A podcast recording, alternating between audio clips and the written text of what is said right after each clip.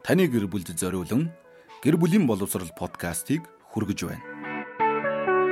Засгийн газрын хэрэгжүүлэгч агентлаг гэр бүл хүүхэд залуучуудын хөгжлийн газар.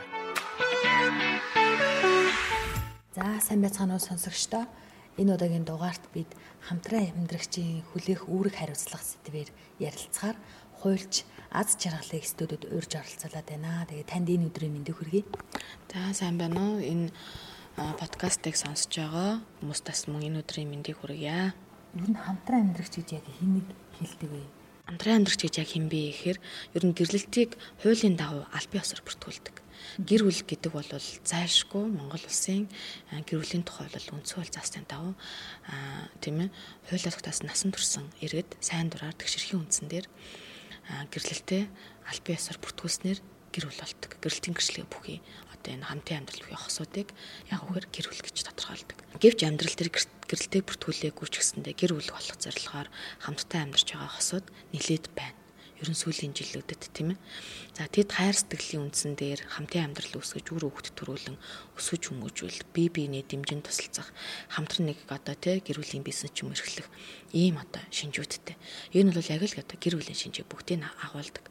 А мөн яг үхээр бүх одоо маа найз нөхөө тамаатан тий одоо юу гэдгийг хүрээл бүгдээрээ л битэр гэр бүл гэж мэдэн штэ гэд ингэдэг хэдий боловч цаасан дээр одоо албан ёсоор гэрэлтэй бүртгүүлээгүй болвол энэ хүмүүсийг гэр бүл гэж бол зүйн хүрээнд бол тодорхойлох боломжгүй.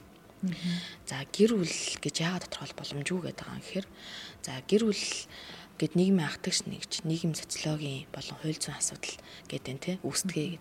Энд ямар асуудал үүсгүү гэхээр жишээлбэл хоёр эхнэр нөхөр хоёр бие биенээ тэжээнд тэтгэх тэ хайр халамж анхаар халамж тавих тийм ээ за үр хөвгтөө өсөж хүмүүжүүлэх үр хөвгтөө харилж халамжлах эцэг эхийн үүрэг энэ болгон мөн дундын гэр бүлийн дундын ийг төрөнгийн эргэцэн асуудал бүгд юунаас үүсэх вэ гэхээр энэ бүх хууль зүйн асуудал энэ бүх эрхээ эдлэх Тэ үүргээ хүлээх ойлголт бүгд тул зүйн талаас албаасаа гэрэлтэй батлуулсан гэр бүлийн хувьд үүснэ. Ер нь хамтран амьдрахын сул тал нь юу юм? Тэгээ гэрэлээ гэр одоо гэрлэлтэд бүртгүүлсний давуу тал нь За тэгэхээр энэчнээс яах вэ гэхээр хамтран амьдрагчдыг хууль зүйн үүднээс эхнэр нөхөр гэж үзэх боломжгүй гэдэг чинь тийм ээ. За мөн хамтран амьдрагч гэдэг нь аль бие осны бүртгэлгүй гэдэг ч гэр бүл болох зорилгоор хамтран амьдрал үүсгэсэн хосуудыг хэлнэ За энэ нь болохоор ямар одоо сул талтай юм бэ? Гэрэлтэй бүртгүүлвэл ямар даваа талтай юм бэ гэдэг. Гэрлэлт бүртгүүлсэнтэй холбоотойгоор хуулийн дагуу гэрлэгчдийн хооронд эрх үүрэг үүсдэг. За бодит амьдрал дээр тэд гэрлэгчдийн үүргийг бие биенийхээ өмнө сайн дураар л хүлээж байгаа хамтран амьдрагчд бол гэрлэгчдийн үүргийг хинж байсан одоо тийм ээ өгөөсөх аргагүй те энэ бол бид нар гэр бүл штэ гэсэн ч гэсэндээ албан ёсоор яах вэ гэхээр бүртгүүлээж гэрэлтийн гэрчлэгээ аваагүй тохиолдолд энийг бол гэр бүл гэж үзэх боломжгүй. Аа тэгэхээр яг хөхөр гэрлэгчдийн хооронд ирэх үүрэг үүсэхгүй. Тэ? За харин тэд нар бол яг дундаас өөр хөвгттэй байж болно. За ингээд харин яг хөхөр албан ёсны одоо баталгаатай гэр бүлээс төрсэн хүүхэд болон хамтран амьдарч нараас төрсэн хүүхдийн хооронд эрхийн ямар ч ялгаа байхгүй Яг адилхан тэр хүүхэд болвол идэлх ёстой эрхээ эдэлж эцэгхээр хайрлуулж халамжлуулах тийм ээ бүхэл одоо эрх зүйлэг бол тэр хүүхэд бол идэлх ёстой. Энд бол ямар нэгэн бол ялгаа байхгүй. Тухайлбал эхнэр нөхрийн хувьд хүлээх үүрэг хамтран амьдагчтай хувьд байхгүй ч гэсэндэ эцэг гэхийн хувьд хүлээх үүрэг бол бие гэсэн үг. Аа энд болохоор и төрөнгийн асуудал ярьж байна тий хамтран амьдрагчд хамтдаа одоо бий болсон и төрөнг энэ бол гэр бүлийн дундын ий төрөнгөд бол тооцогдоод тийм ээ ингээд бол бас хэцүү. Тэгэхээр ер нь хамтран хамтран амьдарч байгаа хүмүүсийн хооронд одоо үүсэж байгаа альва маргааныг одоо хуулийн хүрээнд шийдвэрлэх одоо ямар арга замууд вэ? Ихэвчлэн болвол ингээд энэ эхнэр нөхрийн хувьд одоо хүлээх үүрэг хариуцлага бол байхгүй болчихж байгаа хуулийн хувьд хууль зүйн хувьд. Тэгэхээр яах вэ гэхээр одоо За ингээд энэ хууль зүйн үйлчлэгийг иргэдэд ингээд үзүүлээд явж хахад дийлэнх одоо иргэдээс одоо тусламж хууль зүйн тусалцаа ямар асуудал төр өсөж яах гэхээр хүүхдийн тэтгэмж аргуулах. Тэ. За гэрэлтэй бүртгүүлсэн хосоотын хувьд болохоор гэрэлтэй туслалвал одоо хаана яаж хандах уу? Тийм ээ. За одоо надад одоо бол миний хүүхдэд те ямар нэгэн одоо эд хөрөнгө одоо оногдох уу гэсэн юм асуулт одоо маш их ирдэг. За тэгэхээр хамтран амьдагчдын хувьд одоо ямар одоо ийм хариуцлага одоо хүлээх асуудал юу вэ нөхөр өөр хүүхдийнхээ өмнө хүлээх хариуцлага байгаа юм. Жишээлбэл хамт амьдарч агаад надад салцсан. За тэгээ яах вэ гэхээр одоо хөвчлэн болвол хүүхдээ одоо ээж нь одоо өсгөө гэж идэг ч юм. Ингээд нөгөө нэг нөгөө аа болвол ямар ч та хариуцлагагүй тий ингээ байж идэг. Тэгэхээр яах вэ гэхээр за энэ тохиолдолд аа хүүхэд гэдэг бол өөрөө тусдаа хэрэгцээтэй байдаг. Жишээлбэл одоо ээж нь бол за би бол ерөөсөө огт тэтгэмжд авахгүй гэдэг ч юм уу те. Ийм бас асуудал бас байдаг. Тэгэхээр яах вэ гэхээр тэр хүн ах нь ахгүй гэдэг нь бол тэр хүнд зориулж өгч байгаа асуудал бол биш. Зөвхөн тэр хүүхдийн өөрийнх нь хувийн хэрэгцээнд зориулж байгаа. Тэр хүүхд өөрөө гэсэн хэрэглээтэй, өөрийн гэсэн тийм ээ зохиох одоо эрхийн эдлэхийн хувьд зайшгүй зарцуу зарцуулагдах боловсролт нь тийм ээ эрүүл мэндэд нь хувь цунаар аюулгүй орчинд амьдрах тийм энэ бүх болгоно бол яг тодорхой хэмжээний зардалтай тийм ээ тэгэхээр яах вэ гэхээр эцэг тогтоолгох хүүхдийн тэтгэмж гаргуулах нь хэмжлэлийг харьяа одоо дүүргийнхэн харьяалах одоо шүүхийн байгууллагад нэхэмжил гарганаа. За ингээд энэ энэ хэмжлэлийн дагуу шүүхээс шүүхийн журмаар хүүхдийн эцгийг тогтоогоод за тэгээд хүүхд хүүхд 11 наснаас доош настай бол амжиргааны цогт төвшингийн 50%-аар хүүхдийн тэтгэмж тогтогддог. 11 наснаас дээш бол амжиргааны цогт төвшингийн 100%-аар хүүхдийн тэтгэмж тогтоогддог гэсэн үг. 18-аас дээш бол. Юу 11-ээс дээш бол. 11-ээс. Тийм. Аа тэгээд за одоо дүнгийн төрхөнгүүт нь л ингээд салцсан эсвэл гидсэнд байхад нь л ингээд салцсан. Одоо ингээд 2 3 настай эсвэл 10 настай гэдэг ч юм уу bijдэг. За ингээд тухайн үед нэг хэмжил гаргаад тэгээ яах вэ гэхээр хүүхдийн тэтгэмж тогтоолгоод сар бол болгон тэр хүүхдийн хэрэгцээнд тэр мөнгийг зориулах үүрэгтэй гэсэн үг. За тэг хүүхдээ хин нь одоо асранд итгэх вэ? Жишээлбэл одоо ингээл хүмүүс өвлгөө авахтаа ингэдэлтэй би хүүхдээ өөрөө өөрөө өөр төрөө би байлгамаар байна.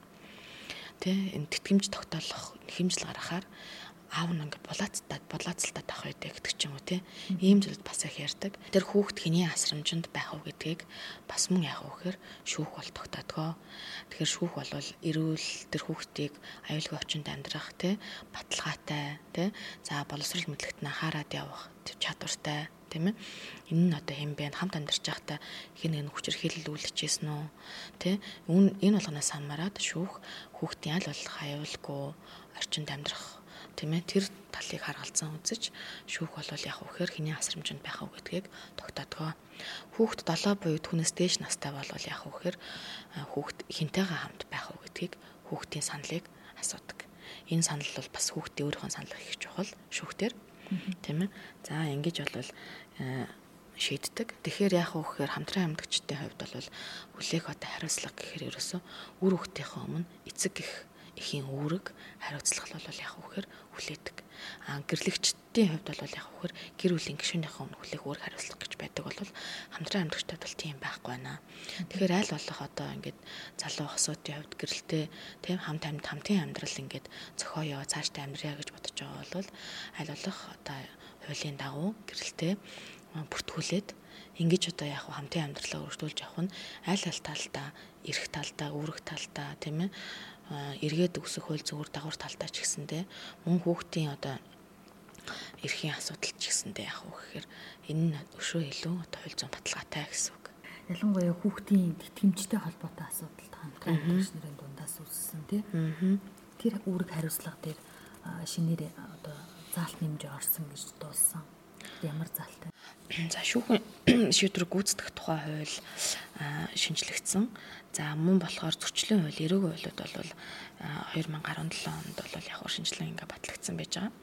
За ингээд үүнтэй холбоотойгоор бол яасан бэ гэхээр зөрчлийн хуулийн дээр ахлах шийдвэр гүйцэтгэгч бол тэтгэлэг төлөгч нь тийм ээ шүүхийн шийдвэрээр сар бүр төлбөл зохиох хүүхдийн тэтгэмжийг 3 сараас дээш хугацаанд төлөөгүй нь эрүүгийн хариуцлага хүлээлгэх хэрэггүй бол хүнийг 100 нэгшит тэмцэх хэмжээний төгрөгөөр торгоно.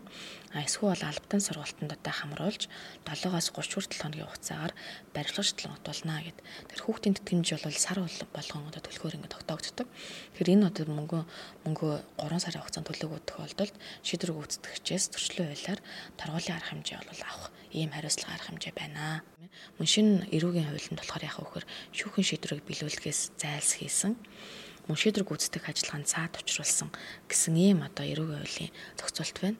За энэ эрүүгийн хуулийн дээр болохоор яг хөөхөр хүүхдийн тэтгэмжийг төлөхөөс зайлсхийсэн эсвэл хүүхдийн тэтгэмжийг дүр үзүүлж одоо үзүүлсэн төлсөн байд юм уу? А эсвэл бол орлогоо одоо нуун дарагдуулсан, хөрөнгийн мэдүүлгээ зориуд буруу гаргасан, и төрөнгөө нуун дарагдуулсан, бусдад шилжүүлсэн, өргөдүүлсэн, оршин суугаа хаягаа өөрчилсөн, тэ хүүхдийн тэгэл төлөхөөс ингээ зайлсхийсэн ийм үйлдэл байгаа тохиолдолд яг үхээр шийдвэр гүйцэтгэх байгууллагаас харьяалын дагуу цагдаагийн байгууллага шилжүүлээд цагдаагийн байгууллагаас нэрүүгээ уйлд заасан гинтрийн шинжийг энэ хүн хангаж байна гэж үзэх юм бол эрүүгийн хэрэг үүсгээд ингээд шалгах юм боломжтой гэсэн үг. Ийм хариуцлага хүлээлгэх зохицуултууд бол яг үхээр шинэ төрчлийн хууль болон эрүүгийн хуульд бол орж ирсэн байна. Нэрээ одоо шүүхэд нь химжлэгээ гаргуул одоо би яах юм бол ямар шатаараатай явах юм бол гэж бодож байгаа нэг сонсогчд байж магадгүй. Тэгэхээр тэдгээр сонсогчдод та юу гэж зөвлөх вэ? Ямар шатаар хаана хандах ёстойг нэг хэлээд өгөөч. Тэгэхээр хамтран амьдрагчид салахтай шүүхэд хандаж болох уу гэд тэ. За хамтран амьдрагчид салах асуудал бол амьдралд бол маш их одоо түгээн мэл байна. Ерөнхийдөө бүр ингээ хууль зүйн тусалцаа авч байгаа иргэдийн ерөнхийдөө 60 70% нь ихэвчлэн одоо тийм эмэгтэйчүүд хүүхдийн тэтгэмж тийм эсвэл гэр бүл салттай холбоотой. За тэдний салттай холбоотой хүүхдийн асрамжийн болон тэжийн тэтгэх хөрөнгө хуваах харилцан одоо бие биенээ тэжийн тэтгэх гээд шийдвэрлэл зохиох тийм ээ олон асуудал гарч ирж идэг. За тэгэхээр гэвч бол яг тэдний салтыг баталгаатай гэр бүлийн тийм ээ гэрлэлт бүртгэлтэй одоо гэр бүл цуцлалттай бол яг хөө гэхээр одоо яг адилтхан үзэж одоо шүүх шийдвэрлэх боломжгүй гэждэг. Тэдний хоорондын холбоо албан ёсны болж бүртгэдэггүй гэрлэлтийн харилцаа үүсэггүйтэй холбоотой хамтран амьдрагчтай хувьд болохоор ийм хамтран амьдрагчдад салах асуудлаар шүүхөд хандах боломжгүй. Анхнаасаа яагаад гэвэл тэр хүмүүс гэрлэлтийн албан ёсоор бүртгүүлээгүй гэсэн үг.